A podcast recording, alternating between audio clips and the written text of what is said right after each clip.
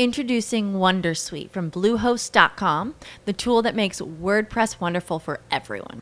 Website creation is hard, but now with Bluehost, you can answer a few simple questions about your business and goals, and the Wondersuite tools will automatically lay out your WordPress website or store in minutes. Seriously.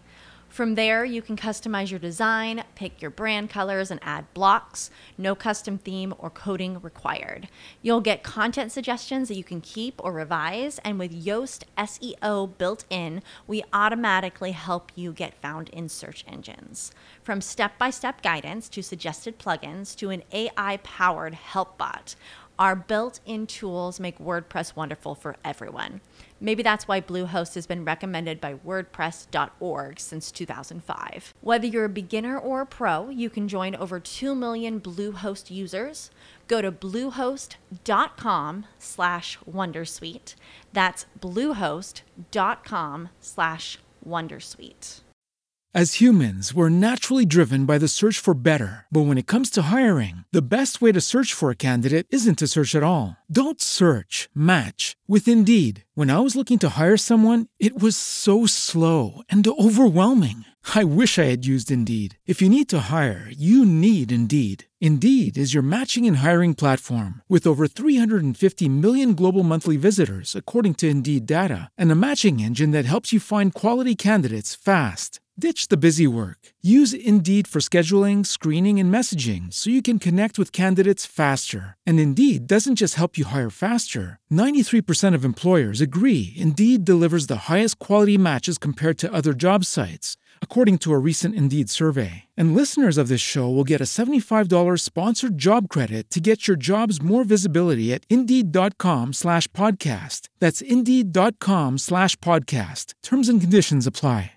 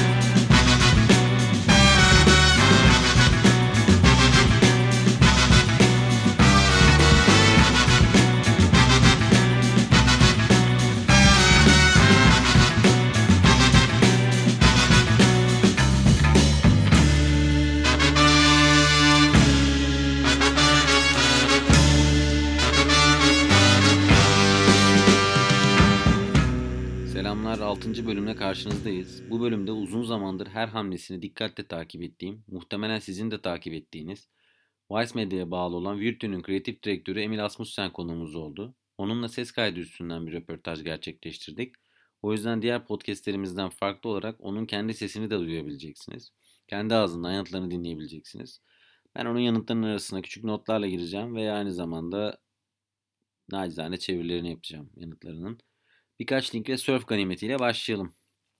İlk linkimiz The Drum sayfaları arasından. Ee, D&AD ödüllerinde copywriting kategorisinin bu sene geçmişe göre farklı yorumlanıp alt bölümlerle insanların karşısına çıkması nedeniyle ufak tefek tepkiler oldu. The Drum'ın düzenlediği Chip Shop ödüllerinde de Kiko London isimli bir ajans bunu protesto etmek amacıyla D&AD'nin ikonik sarı kalemini alıp ucundaki kömür kısmı kaldırdılar ve kalemi biraz daha güdük hale getirdiler. Bu hani çok açılmaktan küçülmüş bir noktaya taşıdılar kalemi. Burada biraz copywriting ile ilgili kategori bölümlerinin copywriting'in aslında daha tekil ele alınması gerektiğine dair bir eleştiri vardı ama bunun ne kadar anlamlı olduğu bence başka bir tartışma konusu. Ama başvuru metninde ilginç satırlar vardı. Orada niyetini daha açık dile getiriyorlardı bence. Oradan başlayarak devam edebileceğimiz bir tartışma var bu başvurudan çok. Bugünlerde kimin kelimelere ihtiyacı var ki? Onlar sıkıcı, onlar kitaplardan gelen şeyler ve streaming çağında doğrusu kim kitap okuyor ki? Bize YouTuber'ları verin, bizi influencer'lara boğun. Bizleri TikTok fenomenleriyle baş başa bırakın. Çünkü endüstrimizin, tüketicilerin bir şeyler okuduklarına dair inancı artık kalmadı. Burada ufak bir değişiklik yaptığımızda bence daha güzel bir yere geliyoruz. Kelimelerle bir derdimiz olduğundan emin değilim ben. Kelimeler sonraki bir dert belki. Kelimelerden önce bence fikirlerle bir derdimiz var. Bugünlerde kimin fikirlere ihtiyacı var ki? Onlar sıkıcı, onlar kitaplardan gelen şeyler ve streaming çağında doğrusu bir fikri deneyimleyip kim heyecanlanır ki? Bize YouTuber'ları verin, bize influencer'ları verin.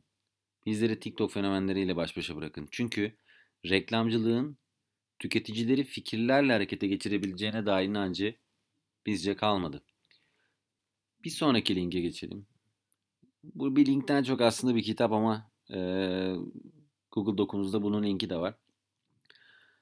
Kendi dertlerine bu kadar boğulmuş bir sektörken şu anda biz son zamanlarda insanların çok üstüne konuştuğu ve hali hazırda biraz konuşma azalmışken benim de bir şeyler söylemek istediğim The Last Dance'e getireyim konuyu. Belgesel bence insanları tam olarak ikiye böldü. İzleyiciler ya Jordan'cı ya Phil Jackson'cılar oldular bence. Tabii ki de başka küçük minik fraksiyonlar vardır. Scottie Pippen'cılar gibi ama ben Phil Jackson'cı olarak çıktım bu süreçten. Açıkçası onu bir zen abidesi olarak görüp tapan azınlığa mensup olduğumu düşünüyorum. Ve buradan başlayarak ufak bir argeye araştırmaya girdim. Kutsal Çemberler başlıklı kitabının artık yalnızca sahaflarda bulunan Türkçe çevirisinin 63. sayfasında hırslarımızı nasıl terbiye edebileceğimize dair uzun uzun bir şeyler anlattıktan sonra tüm düşünce ve önerilerini tek bir cümlede nacizane bir şekilde kristalize ediyor Phil Jackson. Gündelik hayatta vaktimizin çoğunu hep kendimizi düşünerek geçiriyoruz. Cümle bu kadar cüm net, bu cümle bu kadar basit aslında. Her sezona bir tema verip özel briefing dosyaları hazırlayan ve Jordan efsanesini ele alındığı belgeselin bile adını koyan bu adamdan öğrenmemiz gereken gerçekten çok fazla şey var. Geçtiğimiz haftalarda Anselmo Ramos Medyakit ile Zoom üzerinden bir röportaj yaptı. Bu söyleşide pek çok şey konuşuldu. Özellikle de Covid sürecinde yaşadıklarımıza dair sohbet edildi. Covid'deki yaratıcı süreçlerden, markaların reaksiyonlarına, reklamcılık anlayışının ve yaratıcılığın geçirdiği değişime dair çok güzel yanıtlar verdi Anselmo Ramos Medyakit'in sorularına. Ancak söyleşideki en ilginç an GAT'ın gelecek planlarının ne olduğuna dair soruya Ramos'un verdiği yanıttı bence. Birkaç şube daha açacaklarını ancak networkler gibi onlarca ayrı ayrı ofislerin olmayacağını söyledi. Belki kıtasal olarak belki birkaç tane yer açmayı düşündüklerinden bahsetti. Ama özellikle söylediği bir cümle var ki o çok önemli bence. Dünyayı ele geçirmeyi planlıyoruz dedi Anselmo Ramos. Şakayla karışık yanıtı buydu. Sonraki haftalardaki konuklarımızdan birisi olmasını planladığım Dieste yaratıcı yönetmeni Marina Cuesta, Lions'ın bu hafta içerisinde devam eden etkinliği Lions Live'daki konuşmasının başlığı ile bence hiç dinlenmeden dinlenmeyi hak eden hatta hiç dinlenmeden pek çok şey söyleyen bir konuşma hazırlamış. Konuşmasının başlığını tam olarak çevirdiğimizde zaten her şey ortaya çıkıyor aslında. Eğer bugüne kadar hiç kazanmadığın bir şey kazanmak istiyorsan, bugüne kadar hiç yapmadığın bir şey yapmalısın. Son olarak Andy Flemings'in Campaign için kaleme aldığı 2050 yılındaki Cannes Lions günlüğüne kesinlikle göz atmalısınız. Çünkü bu reklamcılık distopyası tam da bu yıl kan telaşına herkes biraz ara vermişken geleceğimiz var mı? Varsa da gelecekte neler olmalı? O gelecekte neler var ya da neler olmamalı? Ya da neler yok? Sorularının tamamına muazzam bir yanıt veriyor. Anlatılmaz yaşanır bir metin bu açıkçası. O yüzden anlatmadan burada bitirip toparlıyorum. Fikirlerin gücünü küçümsemeyin ya da göz ardı etmeyin. En büyük meselenin kendiniz olduğunu düşünmeyi bir kenara bırakın. Anselmo kadar değilse bile her zaman kısa ve uzun vadeli bir ya da oluyorsa daha fazla planınız olsun. Questa'ya kulak verin. Yapamadığınız şeyler yapın. Tüm bunları yaparsak belki 30 yıllık bir zaman yolculuğuna çıkan ve 80 yaşına varan Flemings'in 2050 yılındaki Cannes ziyaretindeki kara komediyi gelecekte yaşamayız. Link tarafını tamamladık. Şimdi yavaş yavaş stalklamak istediğimiz ismin portfolyosuna doğru yaklaşacağız. Biraz tabii sağdan soldan dolanacağız her bölümde olduğu gibi. Hepiniz Fear and Loathing'in Las Vegas'ı izlemişsiniz. Roffin gazetecilik anlayışımızı büyük ölçüde değiştiren ve çağdaş gazeteciliği ortaya çıkartan, akıma mensup olan Hunter Thompson'ın aynı adlı kitabından uyarlanmış bir film. Gonzo lakabına sahip Thompson kendisiyle birlikte birçok efsane isimle birlikte hem Gonzo jurnalizmi hem de New Journalism olarak değerlendiren akımı ortaya çıkardı. Anlatıyla gerçeğin iç içe geçtiği, bu tarzın öncülerinden sayılan Thompson, Gonzo tabirini ilk kez kendi habercilik anlayışına değindiği bir yazıda kullanıyor. Bu tarz aslında çok basit birkaç ilkeye dayanıyor. Bunlardan ilki habercinin hikayenin bir parçası olarak metnin içinde yer alması. Metnin tamamen öznel bir perspektiften kaleme alınmış olması ve aslına bakarsanız anlatının normal şartlarda habercilik üslubunun taşımadığı kadar teknik farklı edebi stilleri kullanarak da kaleme alınmış olması. Bu akımın içerisinde Truman Capote, Norman Mailer gibi önemli isimler de var. Thompson da onlardan bir tanesi. Aslında bu isimlerin ortak yanına baktığınızda edebiyatla haberi iç içe karıştırmaları ve aslında bakarsanız kariyerlerin ilerleyen noktalarında edebiyata çok daha yakın bir noktada bulunmaları. Hatta bu isimler arasında Tom Wolfe de ekleyebiliriz. 1994'te kurulan Vice ve bugün onun onlarca farklı kategoride içerik üreten alt kuruluşları bugün varlıklarını büyük ölçüde aslında bu New Journalism, Gonzo Journalism diyen akıma borçlular. Haberin bir anlatıya dönüştüğü, habercinin hikayede bir kahraman olduğu bu tarzda artık çok aşinayız. Geçtiğimiz aylarda e, How to Become TripAdvisor's Number One Fake Restaurant isimli müthiş bir Vice haberi vardı. Bu haber aslında gerçekten spekülatif e, bir şekilde kurgulanmış bir videoydu. Neresinden bakarsanız bakın e, hikayenin yaratıcısının kurmaca taraftan tamamen haber, haberdar olduğu bir mockumentary tarzındaydı da diyebileceğimiz enteresanlıkta. Ortaya bir iddia atıp bu iddiayı gerçeğe dönüştüren, bunu bir etkinlik haline getiren, bunu bir projeye dönüştüren, gerçekten de ortaya attığı e, iddiayı e, hikaye haline getiren enteresan bir tarza sahip. Bu anlatıldıkça aslında üzerine çok konuşulabilecek bir şey ama son dönemdeki bütün projelere baktığınızda, bütün kampanyalara baktığınızda öne çıkan bu tarza sahip olduğunu görürsünüz.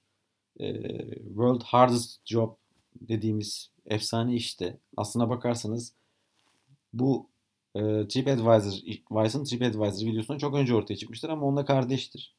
O yüzden bu aslında bu tarz, bu New Journalism, Gonzo Journalism dediğimiz şeye aşinayız uzun zamandır. Çünkü pek çok reklam kampanyası, projesi bu tarza mensup, bu tarza ait nüveler barındırıyor. Şimdi biraz aslında bu tarzın Vice'ı nasıl doğurduğunu ve Vice'ın içerisinden Virtu'nun nasıl ortaya çıktığını kronolojik olarak baktığımızda 1970'te doğan New Journalism 24 yıl içerisinde bize Vice'ı, Vice de bize son 12 yılda Virtu'yu verdi. Virtu biz Vice'a bağlı bir ajans. Oldukça sıra dışı işler ortaya koyuyorlar. Kendilerini Vice'tan doğan yaratıcı ajans olarak tanımlıyorlar ki bence bu çok önemli. 21 tane ofisleri var dünyada. Bu hiç az değil.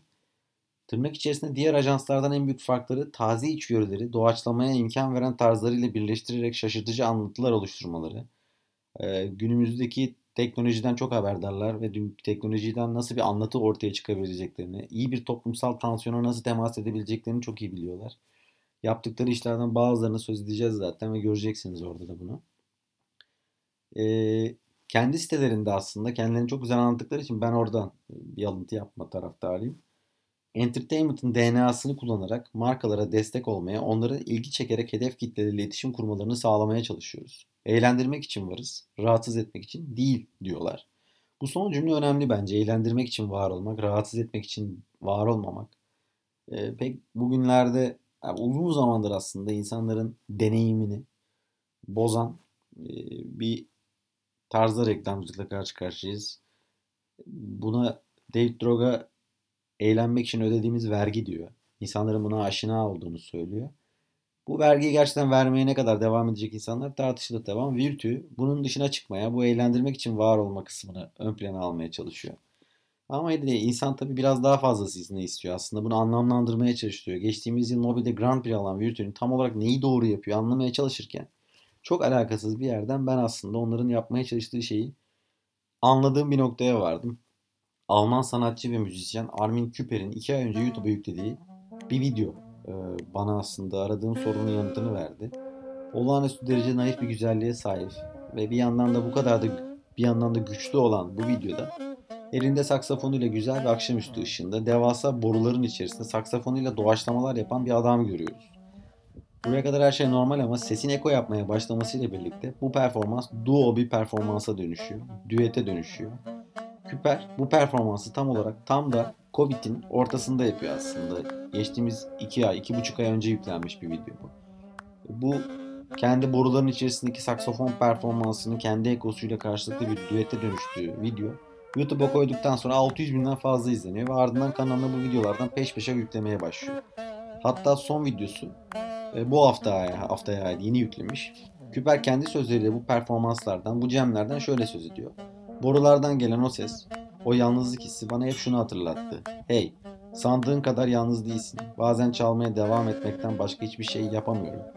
Duramıyorum. İşin iyi yanı hava kararıp da soğumaya başladığında gün boyu güneşte ısınan boruların içerisine oturup çalmaya, güneşin batışına eşlik etmeye devam ediyorum. Küper hayatın içerisinde manzarayı tatsız biçimde kapkara bölen boruları alıp bir bir eğlence aracına dönüştürüyor. Yaşam deneyimini tatsız biçimde bölen bir şey alıp eğlenceli bir şey haline getirirken doğaçlıyor. Elinin altında ne varsa onu alıp sihirli bir şey haline getiriyor. Kendi subjektif perspektifinden haber değeri taşıyan bir hikaye ortaya çıkarıyor. Yalnızlığını boruların içerisine saksafon doğaçlamaları yaparak azaltırken bir anda kendisine eşlik eden bir arkadaşa sahip oluyor. O da o kendi ekosu. İyi bir içerik tam da böyle bir şey aslında. Size eşlik eden iyi bir arkadaş. Başkalarıyla paylaşmak isteyeceğiniz bir deneyim. Küper bu performanslarını Pipeline Funk olarak adlandırıyor. Bence Virtue reklamcılıkta da 14 yıldır Pipeline Funk denen şeyi yapıyor. Bu hafta portfolyosuna konuk olacağımız Emil Asmussen, Virtue'nin yaratıcı yönetmenlerinden. Emil, Kuzey Avrupa'da Kopenhag ofisine bağlı olarak çalışıyor ve aynı zamanda Londra, Berlin ve Zürih ekseninde de çalışmalarını sürdürüyor.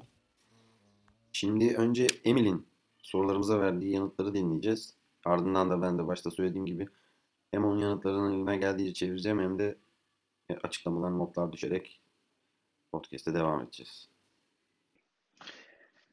Hi, my name is Emil Asmussen. I'm a creative director working at uh, Virtue in Northern Europe.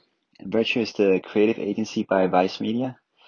And um, yeah, Northern Europe oversees uh, the Copenhagen office where I'm located, uh, London office, Berlin office, and Zurich office. So, why did I start working in advertising? Well, I was actually working in sort of political communications. Uh, had a very sort of suit and tie type of job where, you know, it was like long reports, meetings with politicians, uh, media training, all that stuff. And I had the two friends that I grew up with, uh, who were working as a creative team at DDB. And I thought, Jesus, like these guys have so much more fun than I do. Um, and then I actually decided that I should probably switch, switch path. And I had one day where I was, uh, waiting for my girlfriend at a, at a library and I stumbled into the Ogilvy book uh, Ogilvy and advertising and sort of read through it in probably like half an hour. And that was kind of like, okay, I'm going to make the switch. Um, and then started applying at advertising agencies and I got really lucky and actually the first position I applied for as a copywriter I got and then I was sort of in without a portfolio or anything which I guess is a is a pretty lucky lucky thing to do so what makes an idea great for you? I think a great idea is one that scares me a little bit, but also one that, you know, gives you that sort of feeling in the stomach where you're, you're just excited and you can just see endless opportunities with it. Uh, I think it's something that is both sort of very broad and very narrow at the same time.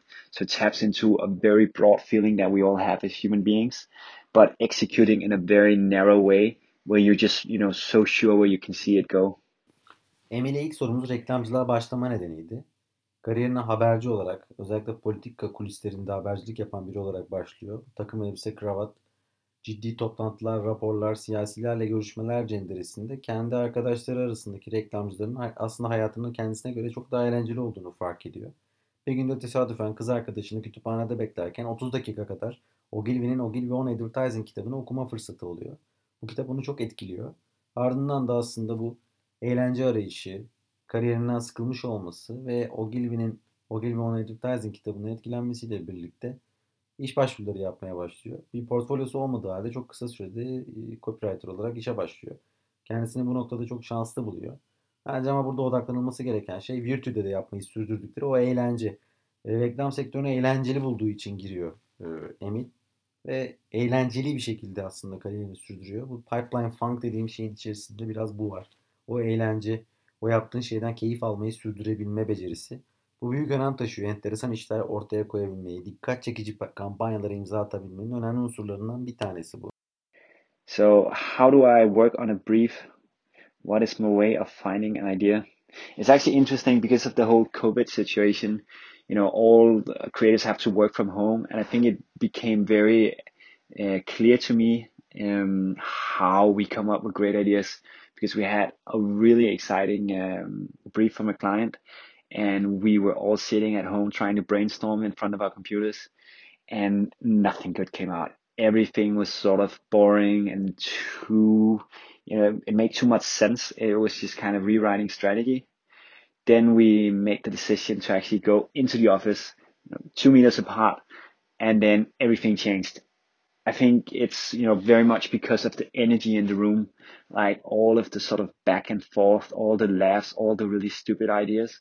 Uh, but that energy is just so crucial to take you to, you know, somewhere unexpected. Um, so I think actually for an idea, you know, coming up with a great idea, I think, you know, energy in the room between the people is just really, really key. İkinci sorumuzda bir fikri onun için muhteşem yapan şey, fikri harika yapan şey nedir diye sorduk. Muhteşem bir fikir, korkutucu ama aynı zamanda insanın midesinde heyecandan kıpırtılar hissettiren, birçok varyasyona, ihtimale, potansiyeli açık fikir olarak tanımlıyor.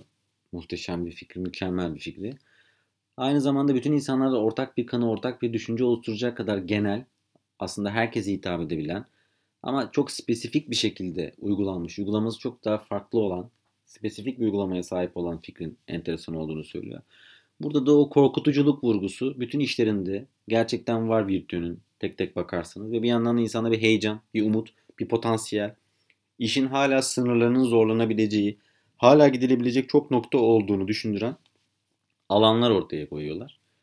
O yüzden aslında burada bize mesleki olarak verdikleri enerji çok doğru. Korkutucu olan, potansiyel barındıran, varyasyonlara açık olan ve aynı zamanda pek çok insana temas edebilecek güzel hikayeler ortaya koyuyorlar. So how do I work on a brief?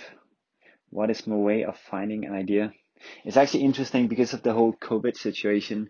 You know, all creators have to work from home, and I think it became very uh, clear to me um, how we come up with great ideas because we had a really exciting um, brief from a client and we were all sitting at home trying to brainstorm in front of our computers and nothing good came out. Everything was sort of boring and too, you know, it made too much sense. It was just kind of rewriting strategy.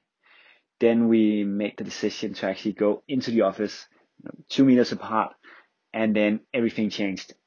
I think it's, you know, very much because of the energy in the room, like all of the sort of back and forth, all the laughs, all the really stupid ideas. Uh, but that energy is just so crucial to take you to, you know, somewhere unexpected. Um, so I think actually for an idea, you know, coming up with a great idea, I think, you know, energy in the room between the people is just really, really key. Um, I think my my personal process of coming up with ideas is in the beginning do a lot of research. Like I really like to just get my head full of knowledge, sort of dive into anything that seems exciting, uh, and then sort of enter the brainstorm with other people with a head full of ideas and knowledge. Um, I think that's such a valuable way to to both you know come up with something that is you know based on real insights, based on science, based on what's happening in the world. Um, but then as you start sort of throwing it around in the room, it, it becomes something new. So I think that sort of duality is really important. Üçüncü sorumuzda bir brief'e nasıl çalıştığını, çalışma tarzının ne olduğunu, yeni fikirlere ulaşma yönteminin neler olduğunu, ne gibi yöntemler uyguladığını sorduk Emil'e. E, o da bize kendisi üzerinden bir örnek verdi. Ekiple Covid sırasında çalıştıkları bir brief'te e, çok sıkıcı, fikirlerin ortaya çıktığını, hiçbir yere varmayan, oldukça sıradan fikirlerin tartışıldığı bir brainstorm'un sonunda ajansa gidip biraz laflamayı, bir araya gelmeyi, fiziksel olarak bir ortamda bulunmayı deniyorlar ve ondan sonra biri çok daha iyi bir noktaya taşınıyor. Burada kendi çalışma biçimi için aslında bir ortamda bulunup bir arada olmanın, aynı havayı solumanın, bir konu üzerine konuşmanın önemini vurguladı yanıtında. Bir yandan da tabii kendi çalışma yönteminden bahsettik. Kişisel olarak Emil derinlemesine araştırma yaparak kafasını çalıştığı briefing'e dair oldukça fazla bilgiyle doldurduktan sonra doğaçlama yaptığı alana geçiyor. Bilgi sahibi olduğu konuya dair farklı ufukları zorlamaya başlıyor. Tabi burada az önce vurguladığı gibi kendi ekibiyle brainstorming yaparak hani konu hakkında herkesin fikir sahibi olduğu, topladığı verilerden yeni bir varyasyon, yeni bir ihtimal ortaya çıkartmaya çalışıyorlar. Çünkü sağlam bir içgörünün bilime ve dünyada neler olup bittiğine bağlantılı bir şekilde ortaya çıkabileceğini söylüyor. O yüzden aslında bu yanıtında da baktığımızda toplamda brainstorm'a önem veren, derin araştırma yapan, araştırmasını e, güzel bir e, ekip çalışmasıyla enteresan varyasyonlara ulaştırıp oradan da dünyada olup bitene ve olabiliyorsa gerçek verilere ve araştırmalara dayanan bir hikaye oluşturmak olarak anlattı bize Emil. Uh, so how will COVID-19 process change the way we are working in advertising and CMO's perspective of doing their jobs? And what will you advise to advertising creative look for in the future? So I think in this COVID world, um, like I think one thing that became very clear if you look at all the COVID ads, how much the same they were, and you could totally see that it, each one of them was just you know a creative executing of strategy. Like strategy have been like we need to you know communicate about COVID nineteen, about this new situation, about this. Uh, you know, the only certain thing is in these uncertain times, and there was no creative leap uh, everything was just empty streets and people looking out for windows. So I think it's it's really important that we don't sit behind our computers and think too logical. Like we need you know we need the magic, we need the weirdness, we need to you know go unexpected places. And I think that is hard when you're just sitting by yourself in front of a computer. Computer. So I think it's super important that that part of the creativity and advertising is kept alive and hopefully soon people can start being in the same room and uh, and get that magic energy back. Um, and I think also for, for CMOs, I think it's also important to to take notice of that. You know, the world is going to be looking for hope. The world is going to be looking for positive change, uh, and I think we're going to see that also in advertising. Um, what works and what resonates with people. I think we're going to see much more sort of you know empathetic and positive work coming out than we have in the past. Dördüncü sorumuzda Covid sürecinde reklamcılıkta çalışma süreçlerini, reklamcılık anlayışımızı nasıl etkileyeceğine dair sorular sorduk. Burada bir önceki soruda verdiği yanıtta olduğu gibi bir arada olmanın bilgisayar başındaki toplantıların toplantılardan çok daha tercih edilebilecek, çok daha iyi bir şey olduğunu söyledi Emil bize. Ve e, gerçekten de o açıkçası benim düşüncemin aksine ben uzaktan çalışmanın o kadar da kötü olduğunu düşünmüyorum ama bir arada olmayı önemsiyor kendi yarattığı brainstorm süreçlerinin özellikle ortaya koyduğu sonuçlar dolayısıyla muhtemelen. Tabii bir yandan da bize bahsettiği şey aslında e, fikir bulma sürecinin ihtiyacı, ihtiyaç duyduğu o sihre, absürtlüğe, farklılığa, beklenmeyen noktalara gitme olasılıklarını bilgisayar başında tek başımıza ulaşamayacağımızı düşünüyor. Burada haklılık payı var aslında çünkü o spontan konuşma, karşılıklı aslında herhangi bir aracı, herhangi bir tool kullanmadan yapılan sohbetin beraberinde getirdiği improvizasyon, doğaçlama, o pipeline funk yine aslında bize enteresan bir takım anlamsız parçaları bir araya getirip anlamlı bir hikaye ortaya çıkartma imkanı sürüyor. Covid sürecindeki reklamlarla da ilgili aslında sıkıcılık vurgusunun üretim biçimlerinden kaynaklandığını söylüyor bize Emil. CMO'lar perspektifinden de bu konuya baktığında umut ve değişim penceresinden olaylara bakacak yeni hikayeler oluşturma konusunda e, bize ufuk açacak ve ihtimaller sunacak CMO'larla birlikte. E, yeni bir dünyanın bize beklediğini vurguladı. Um, okay, next question is what is my best work? And that's a hard question. I think, I mean, for sure, my, my, my most famous work and most awarded work is, is Q, the genderless voice. Um, I mean, to some degree, it's probably also some of the, one of the best things I ever did. Um, what I'm actually most proud of it, I, one thing is, is like the awards and the recognition from the industry has been incredible. But the fact that, you know, it made Fox News, it made CNN, um, was great. But also the fact that it's been exhibited at several art institutions around the world. Um, like the London Design Museum, for example. And I think that was something that I've never expected in my career to have work that was actually, you know, presented as a piece of art. Um, another great thing about the project was that it was picked up as a research partner by the UN. Uh, and again, and I think that was one of those those experiences that none of us expected that a piece of advertising work could do. So um, so I'd have to go with the with Q probably as uh, as my favorite piece of work. En iyi işi hangisi diye sorduğumuzda bize Genderless Voice yanıtını verdi. Tabii bu işi söylemesinin nedeni birçok ödül almasının yanı sıra e, hala bile Cannes'da, Clio'da, DNAD'de pek çok ödüle değer görüldü Genderless Voice. Ama aslında işi neden önemli gördüğünü söylediğinde yarattığı etki. Çünkü yaratmak istedikleri etki tam olarak da onların Genderless Voice'te yarattıkları etkiye benzer bir etki. Fox News'ta haber olması, CNN'e çıkması, Art, Art Institutions tarafından e, sergilenen bir sanat eseri olarak kabul edilmesi, United Nations tarafından dikkate değer projeler arasında gösterilmesi. Çünkü bu da çok önemli bir şey bir yandan. Dolayısıyla bu bir reklam projesi, reklam kampanyası olmaktan çıkıp büyük bir olaya, büyük bir e, gündeme dönüşmüş bir iş. Bu anlamda da Virtü'nün varlık nedeniyle oldukça örtüşen Virtü'nün felsefesini çok iyi yansıtan bir iş. Bir diğer taraftan da o insanları eğlendiren entertainment unsuru olarak insanların karşısına çıkmış olması kadar bir haber gündemi yaratan enteresanlıkta bir hikaye olması da önemli. Zaten Virtü'nün felsefesindeki o Vice, Vice'ın da felsefesinin doğurduğu New Journalism dediğimiz şey tam olarak da bunu yaratma amacı taşıyor. Öyle bir haber ortaya koyun ki gündem olsun ama bu hikayenin içerisinde sizden de bir şey olsun ve insanların aslında karşısına bir eğlendirici unsur olarak çıksın. Genderless Voice'u önemli kılan şey aslında Virtü'nün varlık nedeni. Tam olarak da felsefesinin en iyi yansıttığı şey. Kendinizi iyi ifade ettiğinizde doğru projeyi ortaya koyuyorsunuz. O yüzden Genderless Voice gerçekten de Virtü'nün özü olarak görülebilecek netlikte bir iş. So next question is, can you tell us about your best works, details, background of project making it, etc.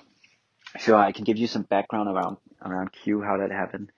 So it actually started with um, a guy called Gianfranco from the Webby Awards. So he gave these Webby speeches where he traveled around and talked about you know, the future of the internet. And he told this story about like how he had a friend who one day came home and saw his five-year-old kid just yelling out orders at his Alexa, and that uh, that made him think like, I wonder what you know how how is this going to affect my kid if he yells at a female voice for 10, 15, 20 years, um, and that sort of sparked the interest from us in terms of uh, gender and voice, uh, and that was sort of the core insight that led us to creating Q. Um, so, I mean, it's not always that ideas come like this, but I think often it's about finding, you know, a simple insight or true thought, uh, and then just exploring it in, in new ways. Tabii bu kadar başarılı bir projenin arka planını Emil'e sorduğumuzda Webby Awards'ta görev olan bir arkadaşıyla sohbet ederken onun ona aktardığı enteresan bir içgörüden yola çıktığını söylüyor bize. Ee, bir gün arkadaşıyla sohbet ederken Alexa'ya bağırarak emirler yağdıran çocuğunun 10-20 yıl boyunca bir kadın sesini böyle bağırarak hayatını sürdürdüğü takdirde onu böyle garip davranışlarla e, yönlendirerek çalıştırdığı bir süreçte hayatının geri kalanını nasıl etkileyeceğini e, sorguladığını söylüyor. Bunun üzerine Emil düşüncelere dalıyor ve gender ve voice üzerine düşünmeye, bu konuda araştırma yapmaya başlamalarına neden oluyor. Temel içgörü tam olarak buradan doğuyor. Bir arkadaşının kendi çocuğunu gözlemlerken onun davranışları üzerinden ona aktardığı bir hikaye bütün her şeyi tetikliyor ve e, projeye dair aslında bu gender ve voice üzerine düşünmeye başladıklarında bir genderless voice'un doğuşu da bu matematikte ortaya çıkıyor. Küçük bir çocuğun e, istem dışı belki de bilinç dışı davranışları onları tetikliyor. Genel olarak fikirlerin her zaman böyle doğmadığını ama basit bir insight'in ya da doğru bir düşüncenin güzel bir karşılaşma anında onlara yol gösterdiğini söylüyor. Gerçekten de olay böyle aslında. Onlar saksafonlarıyla gün batımını beklemeye gidiyorlar ve bir boruyla karşılaşıyorlar işin aslı. Ve o borunun içerisine girip saksafon çalmaya başladıklarında Eko onlara genderless voice'u fısıldıyor bir anlamda. What is my creative philosophy? Um, I think my creative philosophy is uh, is based around the thought of uh, curiosity, uh, like constant curiosity. Um, I think my greatest inspiration that senses my my now dead grandfather, but uh, rest in peace, who was uh, who was a jazz musician, and he ended up like living until almost 101. But what I loved about him, like that he up until like you know in his 90s, and he was always very curious about you know reading, watching movies, learning how to Skype. Um, and I think that was just a great inspiration for me to sort of just look at the world with with fresh eyes and always just being curious, no matter you know how old or how grumpy or whatnot you get, but just like keep being amazed by the world and everything that happens out there. Yaratıcı felsefesini, yaratıcılıkla ilgili düşüncelerini sorduk. Ve Emil bize felsefesinin merak ve hiç bitmeyen merak tutkusundan doğduğunu söyledi. En büyük ilham kaynaklarından birinin şu an hayatta olmayan 101 yaşındaki caz müzisyeni e, büyük babası olduğunu belirtti. İlham aldığı nokta ondan en büyük etkilendiği şey 90'lı yaşlarında olduğunu düşünürsek büyük babasının her zaman hayatının her noktasında 90 yaşında bile meraklı biri olması, yeni şeyler okuması, izlemeyi, keşfetmeyi bırakmaması hatta 90 yaşında bu Skype kullanmayı öğrenmesini müthiş olarak adlandırıyor, tanımlıyor. Bu bağlamda onun için önemli şey dünyada, hayatta, dışarıda her şeyden etkilenmeye almaya devam etmemiz gerektiğini söyledi bize. So what is an agency for me? I mean, I think an agency is basically, you know, it's people and a good agency is solely built around good people who share the same vision for great work. So, you know, no matter if you're a, you know, Wyden Kennedy or BBDO or, you know, whatever fancy name, it comes down to the people. And, you know, without the people, an agency is nothing. So, um, so yeah, that's my, my answer. A, a great agency is a, is a collective of of brilliant people working together. Onun için iyi bir ajansın tanımlamasının ne olduğunu sorduk. İyi bir ajansı aynı tutkuya sahip olan insanların bir arada olmasından doğduğunu söyledi. Harika düşünen insanların bir arada olması, birlikte çalışması yeterli. Bu insanlar olmadığında ajansın hiçbir anlam taşımadığını vurguladı. What are my influences and what inspires me? It's a good question. I think basically everything can inspire me. I feel like what often happens is if I'm if I'm working on a brief, all of a sudden I become so aware of all the inspiration out in the world that I probably overlooked before.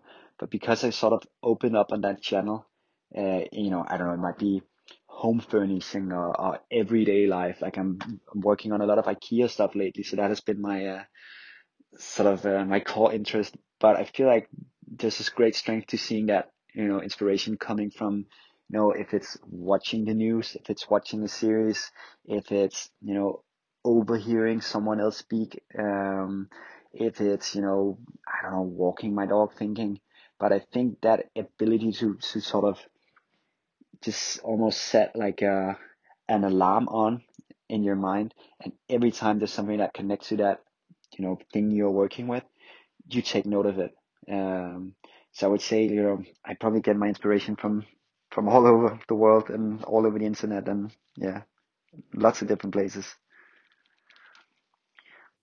Emil'e ilham kaynaklarını sorduğumuzda ona her şeyin ilham verdiğini vurguladı. Bir brief üzerinde çalışırken çalıştığı tema her ne olursa olsun, isterse bir mobilya olsun fark etmez.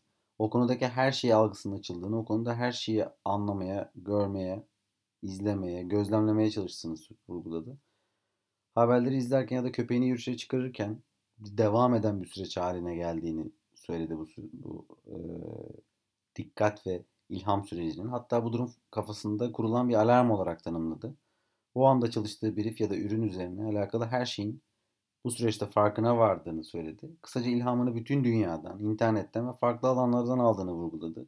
Zaten bunu Genderless Voice ile ilgili sorumuzda da söylemişti farklı bir bağlamda gender ve voice'u her ne kadar hayata dair güzel bir hikayeden, doğru bir içgörüden ortaya çıkarmış olsalar da bunun arka planında bu ikisinin bir araya gelebileceğini anlayacak teknolojiye dair bilgiyi, nerdlüğü zaten hayatının birçok alanında ister istemez biriktiren birisi. Dolayısıyla bu ilham o alarm kurulduğunda, o alarm çaldığında, ona ihtiyacınız olduğunda sizi geriye dönüp birçok şeyi bir araya getirmenizi sağlayan şey. What are my creative heroes from the advertising industry? creative heroes. I mean, I think Dan Wyden is probably the biggest legend. Um, I've always admired Wieden Kennedy for the very sort of humane approach to advertising, that they've always stayed very true to great stories, great narrative, um, real emotional like stories, um, and I think it's it's great to see that their approach to marketing and advertising have just you know stood the test of time. Then even now, when everyone thought that digital agencies and big data uh, would take over the world, like Wieden Kennedy is still highlighted as the best agency in the world. Um, lately, I've actually gotten into the Goodby Silverstein um, masterclass, and both of them are you know really big characters. Um, and I think like looking back at it, they've done so much incredible, iconic work. Um, so I think they can uh, they can join the list as well. Emile yaratıcı kahramanlarını sorduğumuzda Dan Widen'ı saydı ilk. Widen Kennedy reklamcılığa insani yaklaşımlar, harika hikayeleri ve bu hikayelerin anlatımını, bu hikayelerle gerçek insan duygularını harekete geçirmeyi her zaman başarabilmelerine dair vurguda bulundu. Bu nedenle Widen Kennedy'nin zamanın testini geçen ender ajanslardan birisi olduğunu söyledi. Bu çağdaki reklamcıların o dijital ajans, data kullanımı gibi farklı konularda ortaya çıkan enteresan projelerden oluşuyor olsa da her zaman için iyi bir ajansın aslında doğru hikayeleri anlatan, doğru hikayelerle insanlara temas eden ajans olması gerektiğini söyledi. Bu noktada da Wyden Kennedy'yi ön plana çıkardı. İkinci olarak da Goodby Silverstein'den bahsetti. Yakında da e, masterclasslarını yayınlayan iki duayenin bu ajansın felsefesini oluştururken ne kadar doğru şeylere temas ettiğini ve bence o her ne kadar söylemese de ortaya koydukları kült, efsanevi reklamlarla onların da zamanın testini geçtiğini vurguladı. Yani aslına bakarsanız ajansın, ajansların, reklam tarzlarının bir kenara bıraktığımızda Emin daha çok zamanın testinden geçen efsane köklü, ilginç insan hikayeleri, birçok insanı harekete geçiren enteresan öyküler yaratanların e, önemli olduğunu vurgulayan bir tercihlerde bulundu. So, can you tell us a bit about your career journey, the details which changed everything? Um, so my career journey, um, I, I didn't start up as I sort of touched upon in the beginning as the, the normal place. Like I didn't go to art school. I didn't have a portfolio or anything. So I studied language and communication uh, so I worked sort of in the realm of advertising, but not really.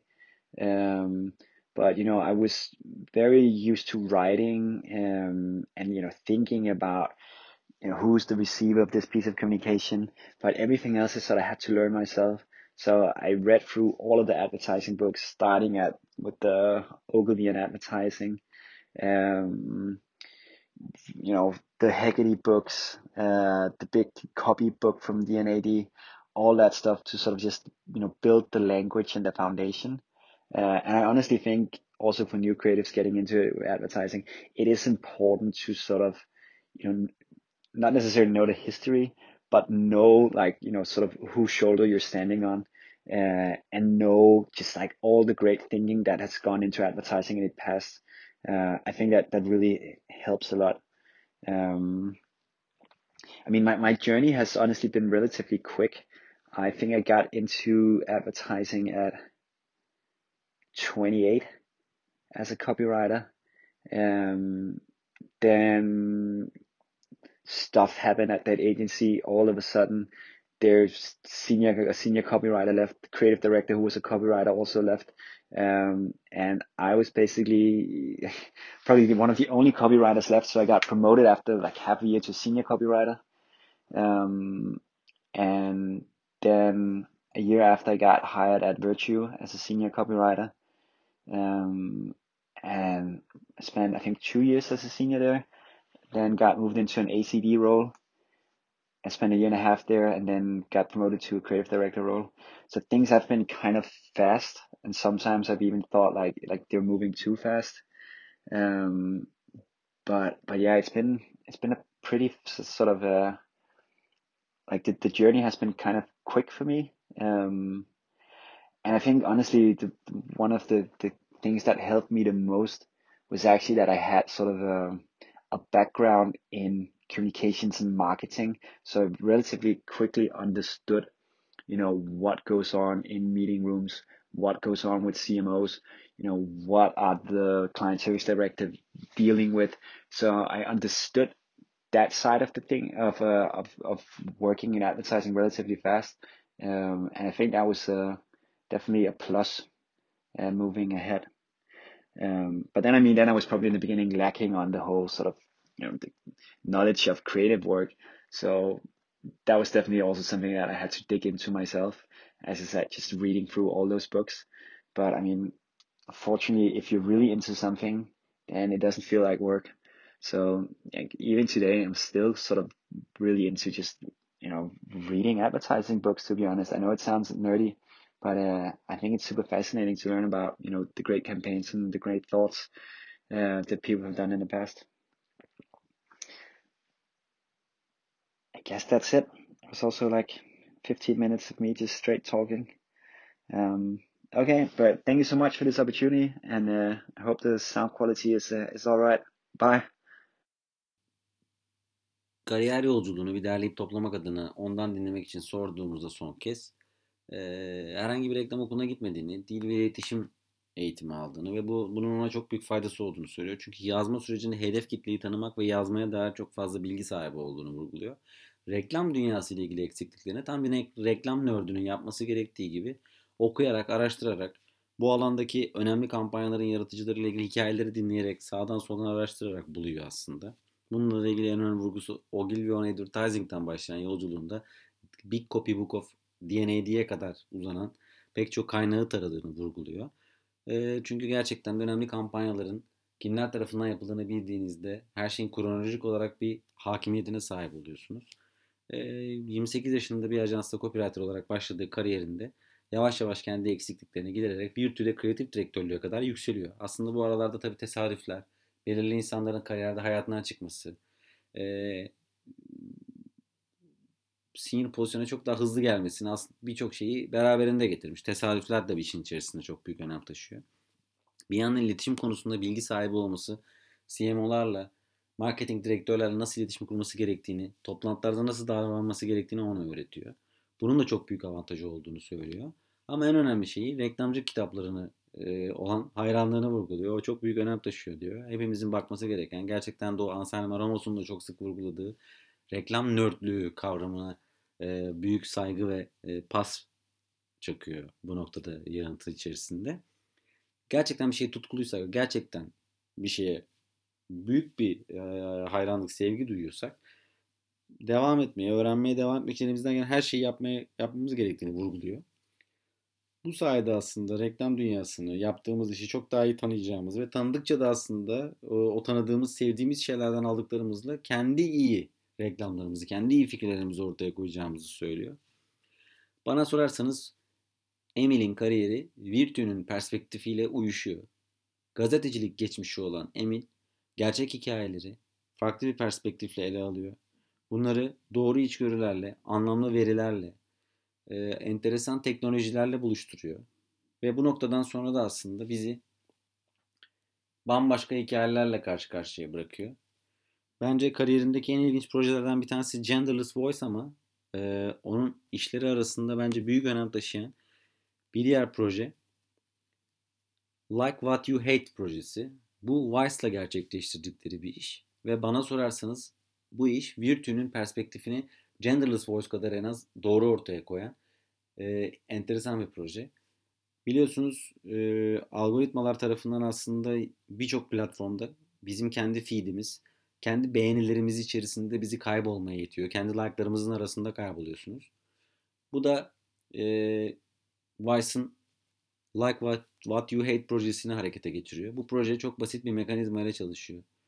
E, beğenmediğiniz şeyleri likelayarak aslında feedinizi kendi içinde bulunduğunuz like balonunuzdan, kendi e, hayal dünyanızdan çıkmanızı sağlayacak bir şey. Çünkü sürekli like'ladığımız şeyleri görmeye başladığımızda aslında kendi algımızın, kendi perspektifimizin köreldiği, e, ufkumuzu kaybettiğimiz bir alanın içerisine giriyoruz. Bu proje gerçekten enteresan bir proje. Bir web sitesi üzerinden çalışıyor. Facebook Connect şeklinde bağlandıktan sonra ve çok ilgimiz olmayan konularda içerikleri likelayarak aslında nefret ettiğimiz şeyleri likelayarak bir noktada e, kendi feedimizi yabancı içerikleri açmaya başlıyoruz. Dış dünyaya açılıyoruz ve o balon, içinde hapsolduğumuz balon e, patlıyor bir anlamda. Bence teknoloji kullanımı, e, içindeki haberci perspektifi e, ve bunu büyük bir hikayeye dönüştürme biçimi Virtü hakkında söylenen her şeyi bir araya getiriyor. Virtü'nün özünü oluşturuyor. E, bizi aslında bir anlamda eğlendiriyor. Başka bir deneyim yaşatıyor ama bir gerçekle de e, karşı karşıya bırakıyor. Bu noktada bu projeyi çok önemsiyorum. Bence Emil'in kariyerindeki en önemli iyi işlerden bir tanesi. Bu hafta Emil Asmussen'in portfolyosunu stokladık. Ondan bazı şeyler öğrendik ve bence öğrenmemiz gereken önemli şey şu. Kendi pipeline funktınızı yaratmak için zaman kaybetmeyin. Hemen işe koyulun. O solonun yarattığı eko gerçekten hepimize iyi gelecek. Dinlediğiniz için teşekkürler. Bir sonraki bölümde buluşmak üzere. Emil Asmussen'e de bu arada Türkçe olacak ama e, ayrıca teşekkür etmek istiyorum. Büyük bir özveriyle tüm soruları iştenlikle yanıtladı. Bize zaman ayırdı. Ses kaydı gönderdi. Çok teşekkürler. Hem size hem Emine çok teşekkür ederim.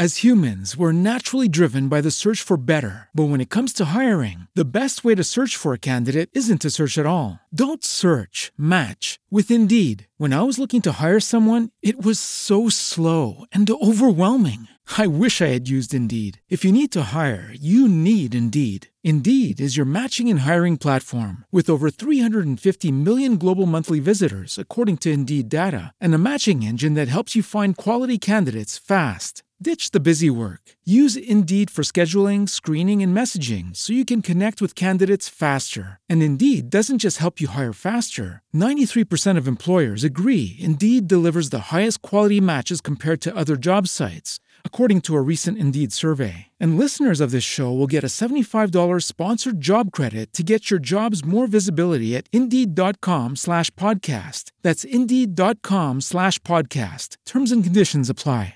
Judy was boring. Hello. Then Judy discovered ChumbaCasino.com. It's my little escape. Now Judy's the life of the party. Oh, baby, Mama's bringing home the bacon. Whoa, take it easy, Judy. The Chumba life is for everybody. So go to ChumbaCasino.com and play over 100 casino style games. Join today and play for free for your chance to redeem some serious prizes. Chumba. Chumbacasino.com. No purchase necessary. Void where prohibited by law. 18 plus terms and conditions apply. See website for details.